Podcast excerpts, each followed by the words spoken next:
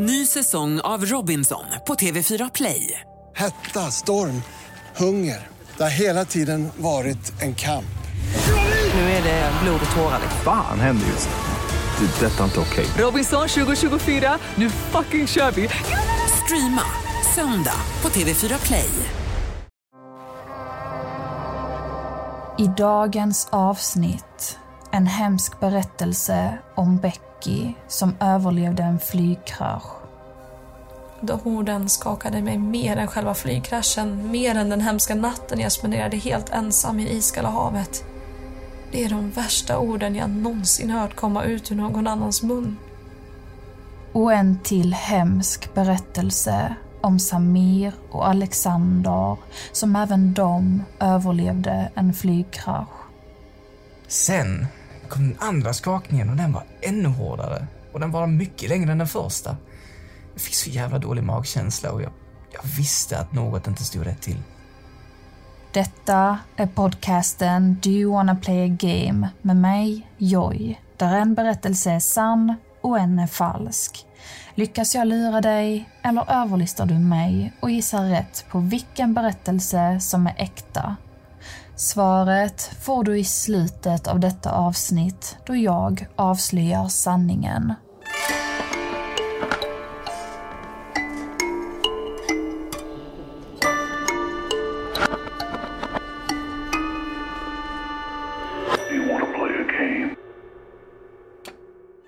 Veckans avsnitt har jag valt att kalla Att överleva en flygkrasch. Att flyga är något som många människor fruktar och gärna undviker medan vissa flyger flera gånger i veckan. Väldigt sällan händer det som är många människors värsta mardröm. Flygplan kraschar. I vissa fall överlever alla och i andra fall så dör alla. Ibland finns det både överlevande och döda. I detta avsnitt kommer du få höra två historier om allvarliga flygkrascher där det är ett mirakel att någon ens överlevde. I den första berättelsen kommer du få höra historien om Becky och hur hon lyckades överleva efter att flygplanet hon åkte kraschade mitt i Indiska oceanen.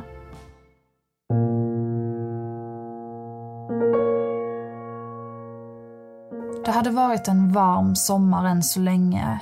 Men i slutet av juni var det dags för den dåvarande 13-åriga Becky och hennes mamma Anna att åka på semester till Östafrika. Så på den varmaste dagen på året än så länge påbörjade de sin resa som skulle ta dem till Komorerna, en ögrupp i sydöstra Afrika. Det var första gången någonsin som jag skulle åka till Komorerna. Och jag var väldigt spänd på att se hur det såg ut eftersom att mina förfäder kommer därifrån. Det första flygplanet de steg på skulle ta dem till Jemen och där skulle de göra ett byte till ett flyg som skulle ta dem till Komorerna. Den första flygresan gick bra. De både lyfte och landade stadigt och säkert. Men på flygplatsen i Jemen började de vandra mot flyg 626 en Airbus A310-324 som skulle orsaka 152 personers död.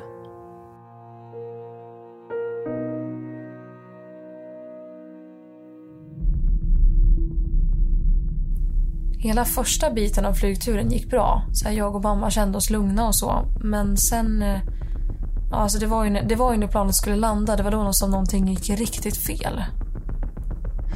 Bara 14 kilometer från Grand Comores kustlinje skulle flyg 626 krascha mitt i den Indiska oceanen. Det första som hände... Um, jo, det var nog att planet fick ganska mycket så här turbulens. Och så, jo, jag kommer ihåg att jag kollade på en av så här flygvärdinnorna och jag tyckte liksom att hon såg lite nervös ut. Och sen... Eh, Sen började en massa lampor blinka och allting bara började tjuta. Kort därefter började flyget störta med nosen före. Becky, som aldrig flugit förut, tänkte inte så mycket på att det som hände kanske var farligt. Istället pressade hon spänt hennes huvud mot fönstret för att se om hon kunde se ljusen från komorerna under sig. Men det kunde hon inte. De befann sig ungefär en och en halv mil från land. Under henne fanns bara svart, iskallt vatten. Sen kändes det som en så här riktigt kraftig stöt som gick igenom hela min kropp samtidigt som jag hörde så här ett otroligt högt ljud. Och på bara några så här millisekunder så hann jag bli rädd och jag tänkte skrika efter mamma men det gick inte och sen så blev allting bara svart.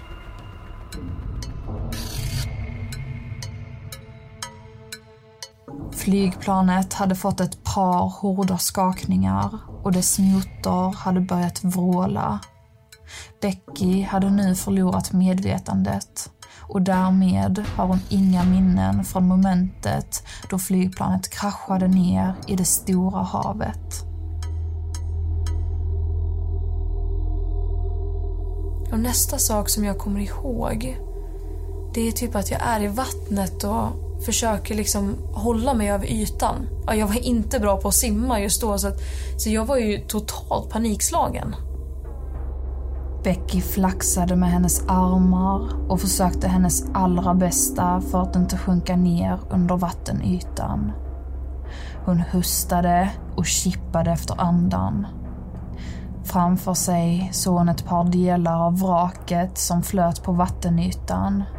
Hon försökte föra sig fram mot dem och lyckades ta sig till den största vrakbiten. Hon drog sig upp på den, men den var alldeles för svår att balansera på, vilket gjorde att hon föll ner i vattnet igen. Hon tog tag i den ännu en gång och nöjde sig med att hänga på den med överkroppen och ha benen i vattnet. Nu lyckades hon slappna av lite, vilket gjorde att hon började lägga märke till andra saker. På avstånd kunde hon höra hur människor skrek efter hjälp. Det var för mörkt för att se, men eh, jag försökte paddla mot dem genom att följa ljudet, för jag, jag ville inte vara ensam. Men då kände jag liksom en enorm smärta på liksom framsidan av axeln. Hon ignorerade smärtan och försökte sitt bästa för att paddla mot ljudet. Men det gick inget vidare. Efter ett tag så hörde hon inte rösterna längre. Hon stannade kvar på den flytande vrakbiten och tvivlade på om hon någonsin ens hört rösterna. Hon förstod att hennes kropp hade fått en rejäl smäll och därmed skulle det kunna vara möjligt för henne att inbilla sig saker. Istället slutade hon kämpa sig från platsen och brast ut i gråt. Hon var rädd.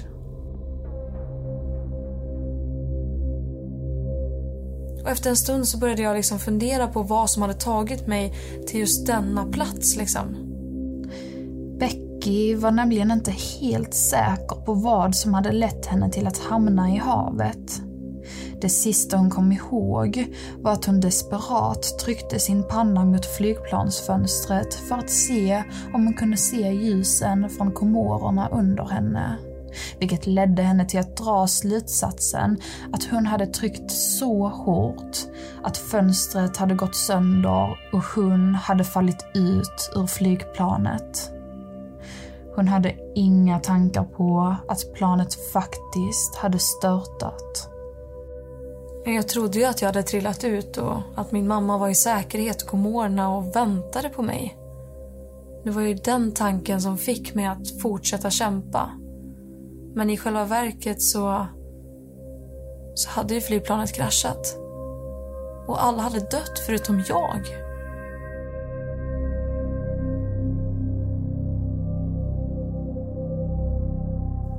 Några timmar senare hörde Becky hur ett flygplan flög ovanför henne. Hon började vifta med armen som inte ömmade i hopp om att någon skulle se henne. Hon var nämligen helt övertygad om att det var räddningstjänsten som letade efter henne. Jag var så säker på att de var där för att hitta mig. Men sen så bara försvann ljudet. Och flygplanet eller helikoptern eller vad det nu var, de, hade ju bara passerat. När solen gick upp kunde Becky äntligen se sig omkring. Till hennes lättnad såg hon bergtopparna från det bergiga Grand Comoro. För en stund lät hon sig själv slappna av och tänkte att vågorna skulle föra henne närmare och närmare land. Men så var det inte. Jag hade koll på de där bergen och när någon timme hade gått var bergtopparna mycket lägre än vad de hade varit tidigare så ja, jag fördes ju bara längre och längre ut i havet. Det hade nu gått flera timmar sedan flygplanet störtade och Beckys psyke började svika. Hon tänkte hemska tankar och fick för sig hemska saker. Som att hon aldrig någonsin skulle bli hittad med tanke på att hon bara fördes längre ut i den Indiska oceanen.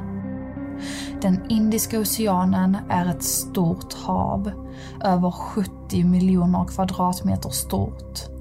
Hamnar man för långt ut är det en omöjlig uppgift att bli funnen. Och där befann sig Becky helt ensam på en flytande bit från flygplansvraket. Allt som cirkulerade i hennes huvud var katastroftankar. Hon höll på att ge upp. Precis när hon hade bestämt sig för att släppa taget och låta sig själv dö la hon märke till att vågorna ändrade form och mönster. Förvånat kollade hon sig om och en bit bort såg hon något som gav henne hopp igen. Det var en båt. Jag började ropa och skrika och jag viftade med min arm för att någon i båten skulle kunna se mig. I båten stod fiskaren Liam och hans kompanjoner. De hade hört på nyheterna om flygkraschen och hade bestämt sig för att åka ut på havet och leta efter överlevande, precis som många andra människor som ägde båt hade bestämt sig för att göra. Vi åkte sakta genom havet och höll utkik efter något. Och sen, helt plötsligt, så såg jag något avvikande. Jag trodde först eh, jag såg i syne, men mycket väl så såg jag en människa. När vi kom närmre så eh, såg vi att det var en liten tjej och hon skrek så vi skrek tillbaka. När Becky insåg att hon hade blivit hittad blev hon så exalterad att hon släppte taget om vrakbiten för att ta sig mot båten. Men då sköljde en stor våg över henne och hon tappade kontrollen. Vågen tryckte henne under vattenytan och hon snurrade okontrollerat runt. När jag såg hur vågen tryckte ner henne under ytan så tvekade jag inte en sekund på att hoppa i vattnet. Så jag dök ner. Några av mina kompisar dök strax därpå och följde efter mig. Liam krålade mot Becky och dök smidigt genom de stora vågorna. Snart lyckades han få tag i den svaga flickan och förde snabbt över henne till hans kompanjoner innan ännu en våg slog till dem. Trycket var så högt på stället de befann sig och när Liam skjutsade fram Becky till sina vänner skjutsades han längre bort. Han blev fångad av en ström och fördes längre ut i havet. Jag skrek åt mina vänner att inte simma efter. Att de först och främst skulle ta flickan till säkerhet på båten. De lyssnade och lyfte upp Becky på båten. De gav henne vatten och virade in henne i filtar. Strax därefter körde de för att hämta upp Liam och på den korta tiden hade han svepts hela hundra meter bort från båten. Tur nog hade de koll på läget och lyckades även rädda Liam. Sen påbörjade resan in till land. De körde så fort de bara kunde, men vattnet var så pass häftigt att det tog flera timmar att ta sig in till land. Under färden frågade Becky om hennes mamma. Och jag kommer ihåg att så här, när vi åkte in i land så frågade jag de här männen om min mamma. Och eh, ja, de, de sa att hon var vid liv så just där och då så kände jag ju mig lättad. När de väl anlände till porten dröjde det inte länge innan Becky blev inlagd på sjukhus. Förutom att hon hade skärsår, blåmärken och brännskador på hennes ben fick hon även reda på att hon hade frakturer i bäckenet och ena nyckelbenet. Men hon brydde sig inte så mycket om det. Det enda hon kunde tänka på var att hennes mamma skulle stiga in genom dörren i vilken sekund som helst. Sen till slut så, så steg någon annan än mina läkare in i rummet jag låg i och ja, det var inte min mamma. Det var en kvinnlig psykolog som stigit in i rummet. Psykologen berättade för henne att hon hade varit med om en flygplanskrasch. Becky förstod ingenting. Psykologen fortsatte att förklara det som hänt, vilket ledde Becky till att återigen fråga om hennes mamma. Denna gången fick hon ett annat svar. Psykologen berättade att de inte hade hittat någon annan än Becky, att hennes mamma förmodligen var död och att hon med största sannolikhet aldrig skulle få se henne igen. De orden skakade mig mer än själva flygkraschen, mer än den hemska natten jag spenderade helt ensam i iskalla havet. Det är de värsta orden jag någonsin hört komma ut ur någon annans mun. Av 153 passagerare på flyg 626 dog 152 personer. Becky var den enda som överlevde.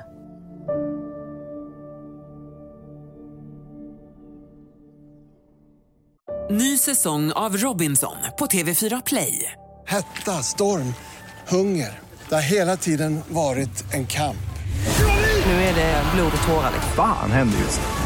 Det. Detta är inte okej. Robinson 2024, nu fucking kör vi! Streama söndag på TV4 Play. Är det dags för ett nytt kök, badrum, nya garderober eller nya vitvaror? Låt oss på HTH Köksstudio hjälpa er. Med erfaren personal och brett sortiment guidar vi er hela vägen till färdigt resultat. Dela upp er betalning räntefritt upp till 36 månader. HTH Kök, det kallar vi kökskärlek som håller. Det var hela den första berättelsen. Precis som alltid är frågan, var berättelsen sann eller falsk? Men det kommer du få reda på i slutet av avsnittet. Vi fortsätter till den andra berättelsen. Den handlar om den unga Alexander och den vuxna mannen Samir som kom från helt skilda vägar men som steg på samma störtande flygplan.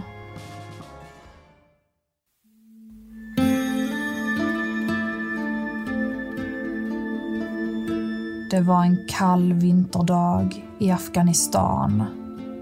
Månaden var februari och Samir skulle flyga från Herat Airfield till Kabul International Airport. Han hade varit på ett jobbuppdrag i Herat och skulle nu ta sig hem till huvudstaden Kabul där han bodde.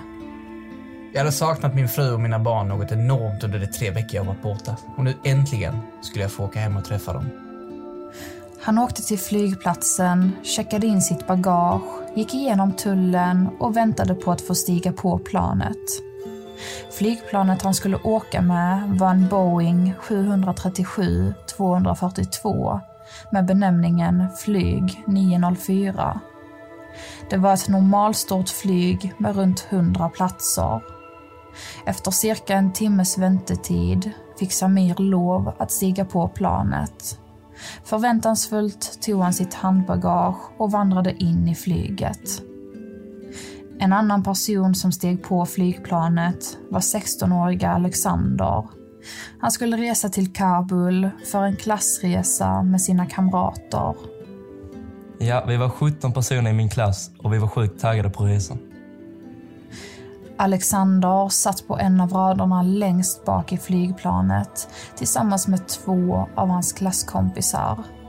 De skrattade och tjoade och kunde inte vänta på att flyget skulle börja röra sig. För många i klassen var det första gången de skulle flyga. Några rader fram, lite mer mot mitten av planet, men fortfarande i bakre delen, satt Samir med ett par hörlurar intryckta i öronen. När jag steg på planet och insåg att jag skulle sitta precis framför en hel skolklass. Ah, jag suckade lite, rullade mina ögon, för jag tänkte att det säkert skulle stimma och stoja hela resan. Så jag satte mina hörlurar och började lyssna på musik. En liten stund senare påbörjade planet sin avgång och snart var de uppe i luften. Det var mörkt utanför och det snöade. Men det var inte någon snöstorm. I alla fall inte just där och då. Jag tyckte det såg coolt ut när flygplanet accelererade och snön bara flashade förbi fönstret. Men jag hade ingen aning om att den där snön nästan skulle döda mig. Starten gick bra. Det snöade, men vinden var normal. Det var inte förrän färden närmade sig sitt slut som ett stort problem uppstod.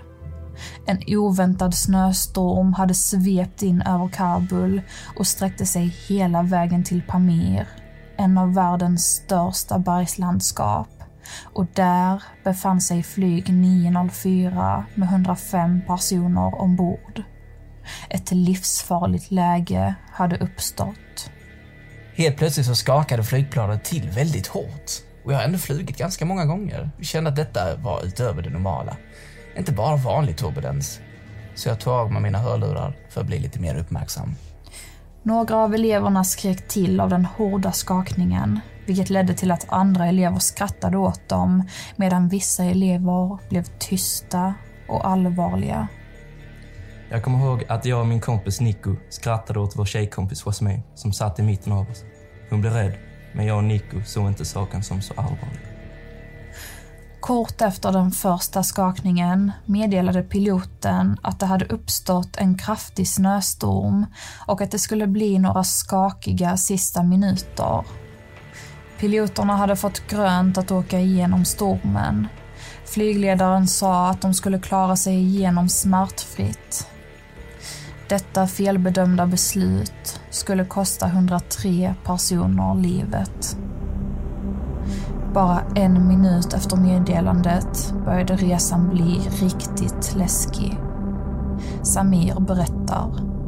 Sen kom den andra skakningen och den var ännu hårdare. Och den var mycket längre än den första.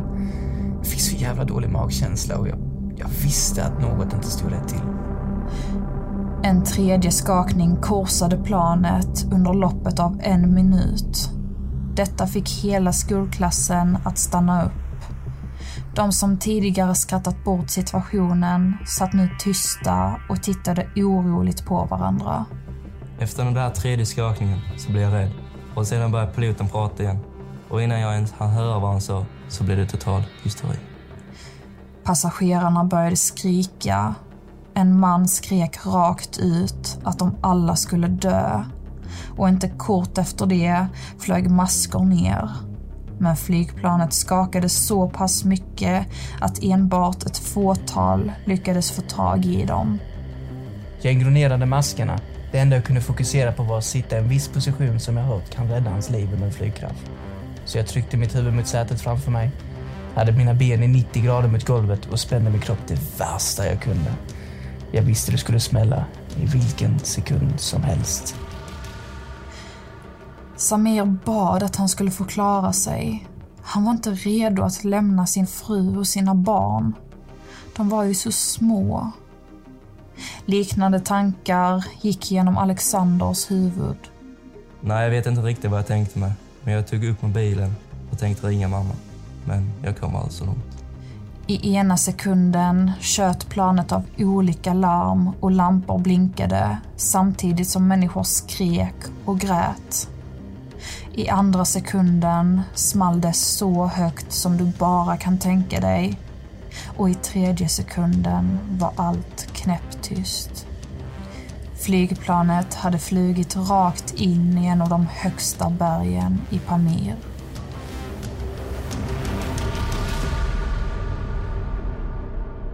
Jag vaknade av att hagel piskade mig i ansiktet. Jag fattade inte om jag hade överlevt först eller om jag var i paradiset. Men sen förstod jag att jag var vid liv. Samir knäppte loss sig och föll ut ur hans säte. Runt om honom låg flera döda människor. Hans vänstra arm hängde livlöst längs hans sida. Den var ur led och hans huvud värkte mycket kraftigt. Men bortsett från det så var han okej. Okay. Längre bort såg han en tonårspojke som försökte kräla sig från flygplanet. Det första jag kommer ihåg är att en man kom fram till mig. Jag kunde se han prata, men det lät som han var under vatten. Jag försökte få kontakt med pojken, men han fortsatte bara dra sig framåt. Men till slut kollade han upp på mig. Efter ett tag förstod Alexander vad Samir sa. Samir ville hjälpa honom. Alexanders högra smalben var brutet, vilket gjorde att han inte kunde ställa sig upp. Så Samir drog upp honom med sin högra arm och lät pojken stödja mot hans kropp. Alexander höll fast om Samirs axlar och sen lyckades de ta sig till en del av flygplanet som hamnat en bit bort och format sig som en iglo. Där tog de skydd från den isiga stormen. Samtidigt började nyheten om flygkraschen sprida sig i media. Räddningstjänsten stod nu inför ett stort dilemma. De var tvungna att ta sig upp till berget för att rädda eventuella överlevande. Men stormen såg bara ut att bli värre och värre. Ett försök att skicka upp en helikopter gjordes med detsamma, men det var förgäves. Helikoptern var tvungen att återvända. Hagel och snö öste ner över platsen Samir och Alexander befann sig på. Men som tur var fick de skydd mot snö och vind och hagel under den igloformade vrakbiten. Medan vi satt där förstod jag att räddningen inte skulle komma förrän stormen var över. Men jag var fast besluten om att vi skulle överleva, båda två. Jag fick som faderskänsla av den här pojken. Jag skulle aldrig låta honom dö. Samir sa till Alexander att stanna under skyddet och gav sig ut i stormen för att leta efter filtar och mat. Han visste att han skulle behöva samla på sig så mycket som möjligt för han skulle bara bli svagare och svagare från den punkten. Likaså Alexander. Jag hittade en del ätbara saker. Proteinbars, chipspåsar och sånt. Sen hittade jag en del filtar och jackor med. Samir tog med sig sakerna tillbaka till Alexander som låg och skakade under vrakbiten. Jag var kall och jag frös och hade ont. Samir var borta ett tag, men sen kom han tillbaka med mat och filtar. Det var då jag fattade att han var snäll och ville hjälpa mig. Alexander kunde slappna av. Han kände sig trygg i Samirs händer. Han slöt sina ögon, men då tog Samir ett stadigt grepp om hans axel. Jag såg att han blundade och då sa jag till honom, vad du än gör, somna inte. Jag vill inte se att du blundar. Alexander lyssnade. Tiden gick och de två killarna försökte hålla upp en ständig konversation för att få tiden att gå. Men ju längre tid som gick blev det bara svårare och svårare för dem. De var trötta, skadade och nedkylda. De började tappa tidsuppfattningen och hade olika teorier om hur länge de hade suttit där. Men de hade ingen ork för att dividera. Till slut låg de bara upptryckta mot varandra, invirade i filtar och jackor och skakade. Jag var så svag. Berättar Alexander. Och jag trodde verkligen att jag skulle dö. En tid senare var det väldigt tydligt att Alexander inte skulle klara sig länge till.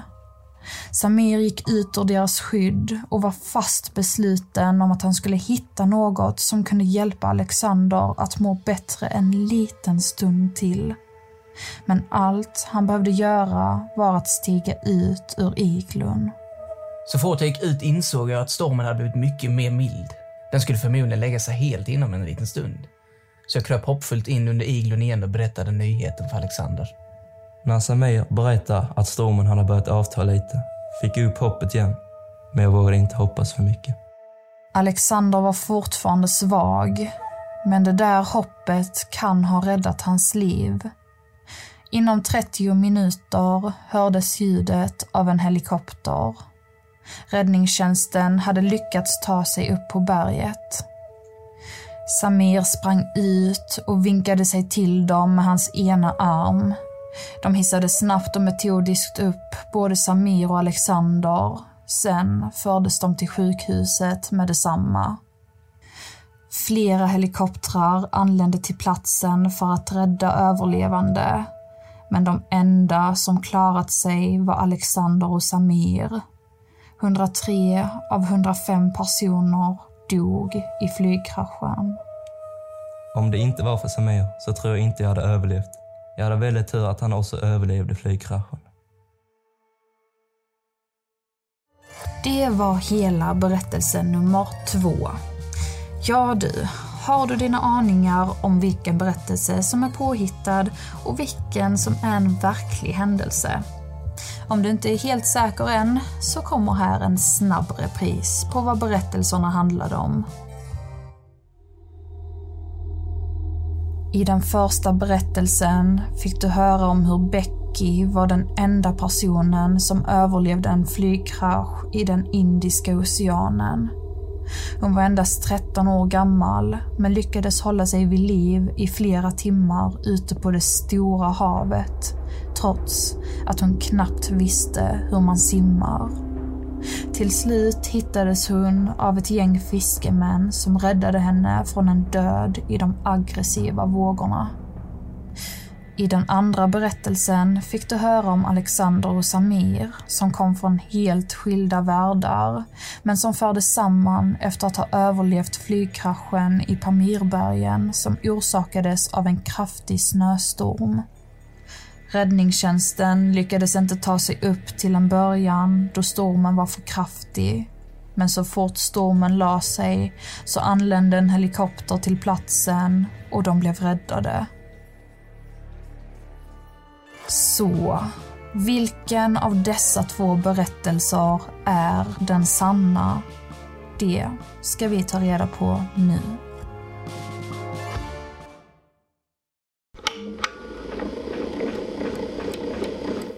Hej på er! Mitt namn är Johanna Berg och jag har varit röstskådespelare till Becky. Och denna berättelse är sann. Berättelsen om Becky är alltså sann. När hon var 13 år överlevde hon en flygkrasch och även 13 timmar ensam i den Indiska oceanen. Men som vanligt har jag hittat på namnet. Hennes riktiga namn är Bahia Bakari och mannen som hittade henne heter egentligen Libuna. Vill du läsa mer om det här fallet och även se bilder, följ min Instagram Do you want to play a game podcast. För där kommer jag lägga upp mer om fallet inom snar framtid. Detta innebär att berättelsen om Samir och Alexander är påhittad. Men om du känner igen historien om att flyg 904 kraschade under en snöstorm i Pamirbergen så är det för att det faktiskt är sant.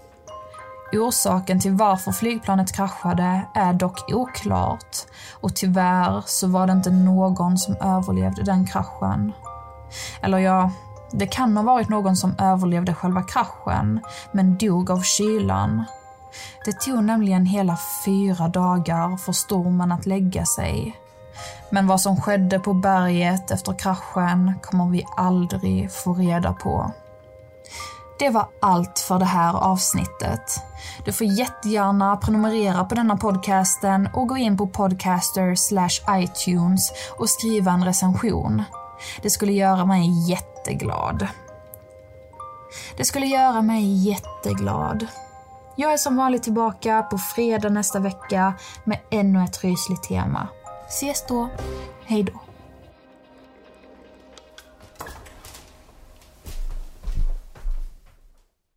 Ny säsong av Robinson på TV4 Play. Hetta, storm, hunger. Det har hela tiden varit en kamp. Nu är det blod och tårar. Fan händer just. Det. är Detta är inte okej. Robinson 2024, nu fucking kör vi! Streama söndag på TV4 Play.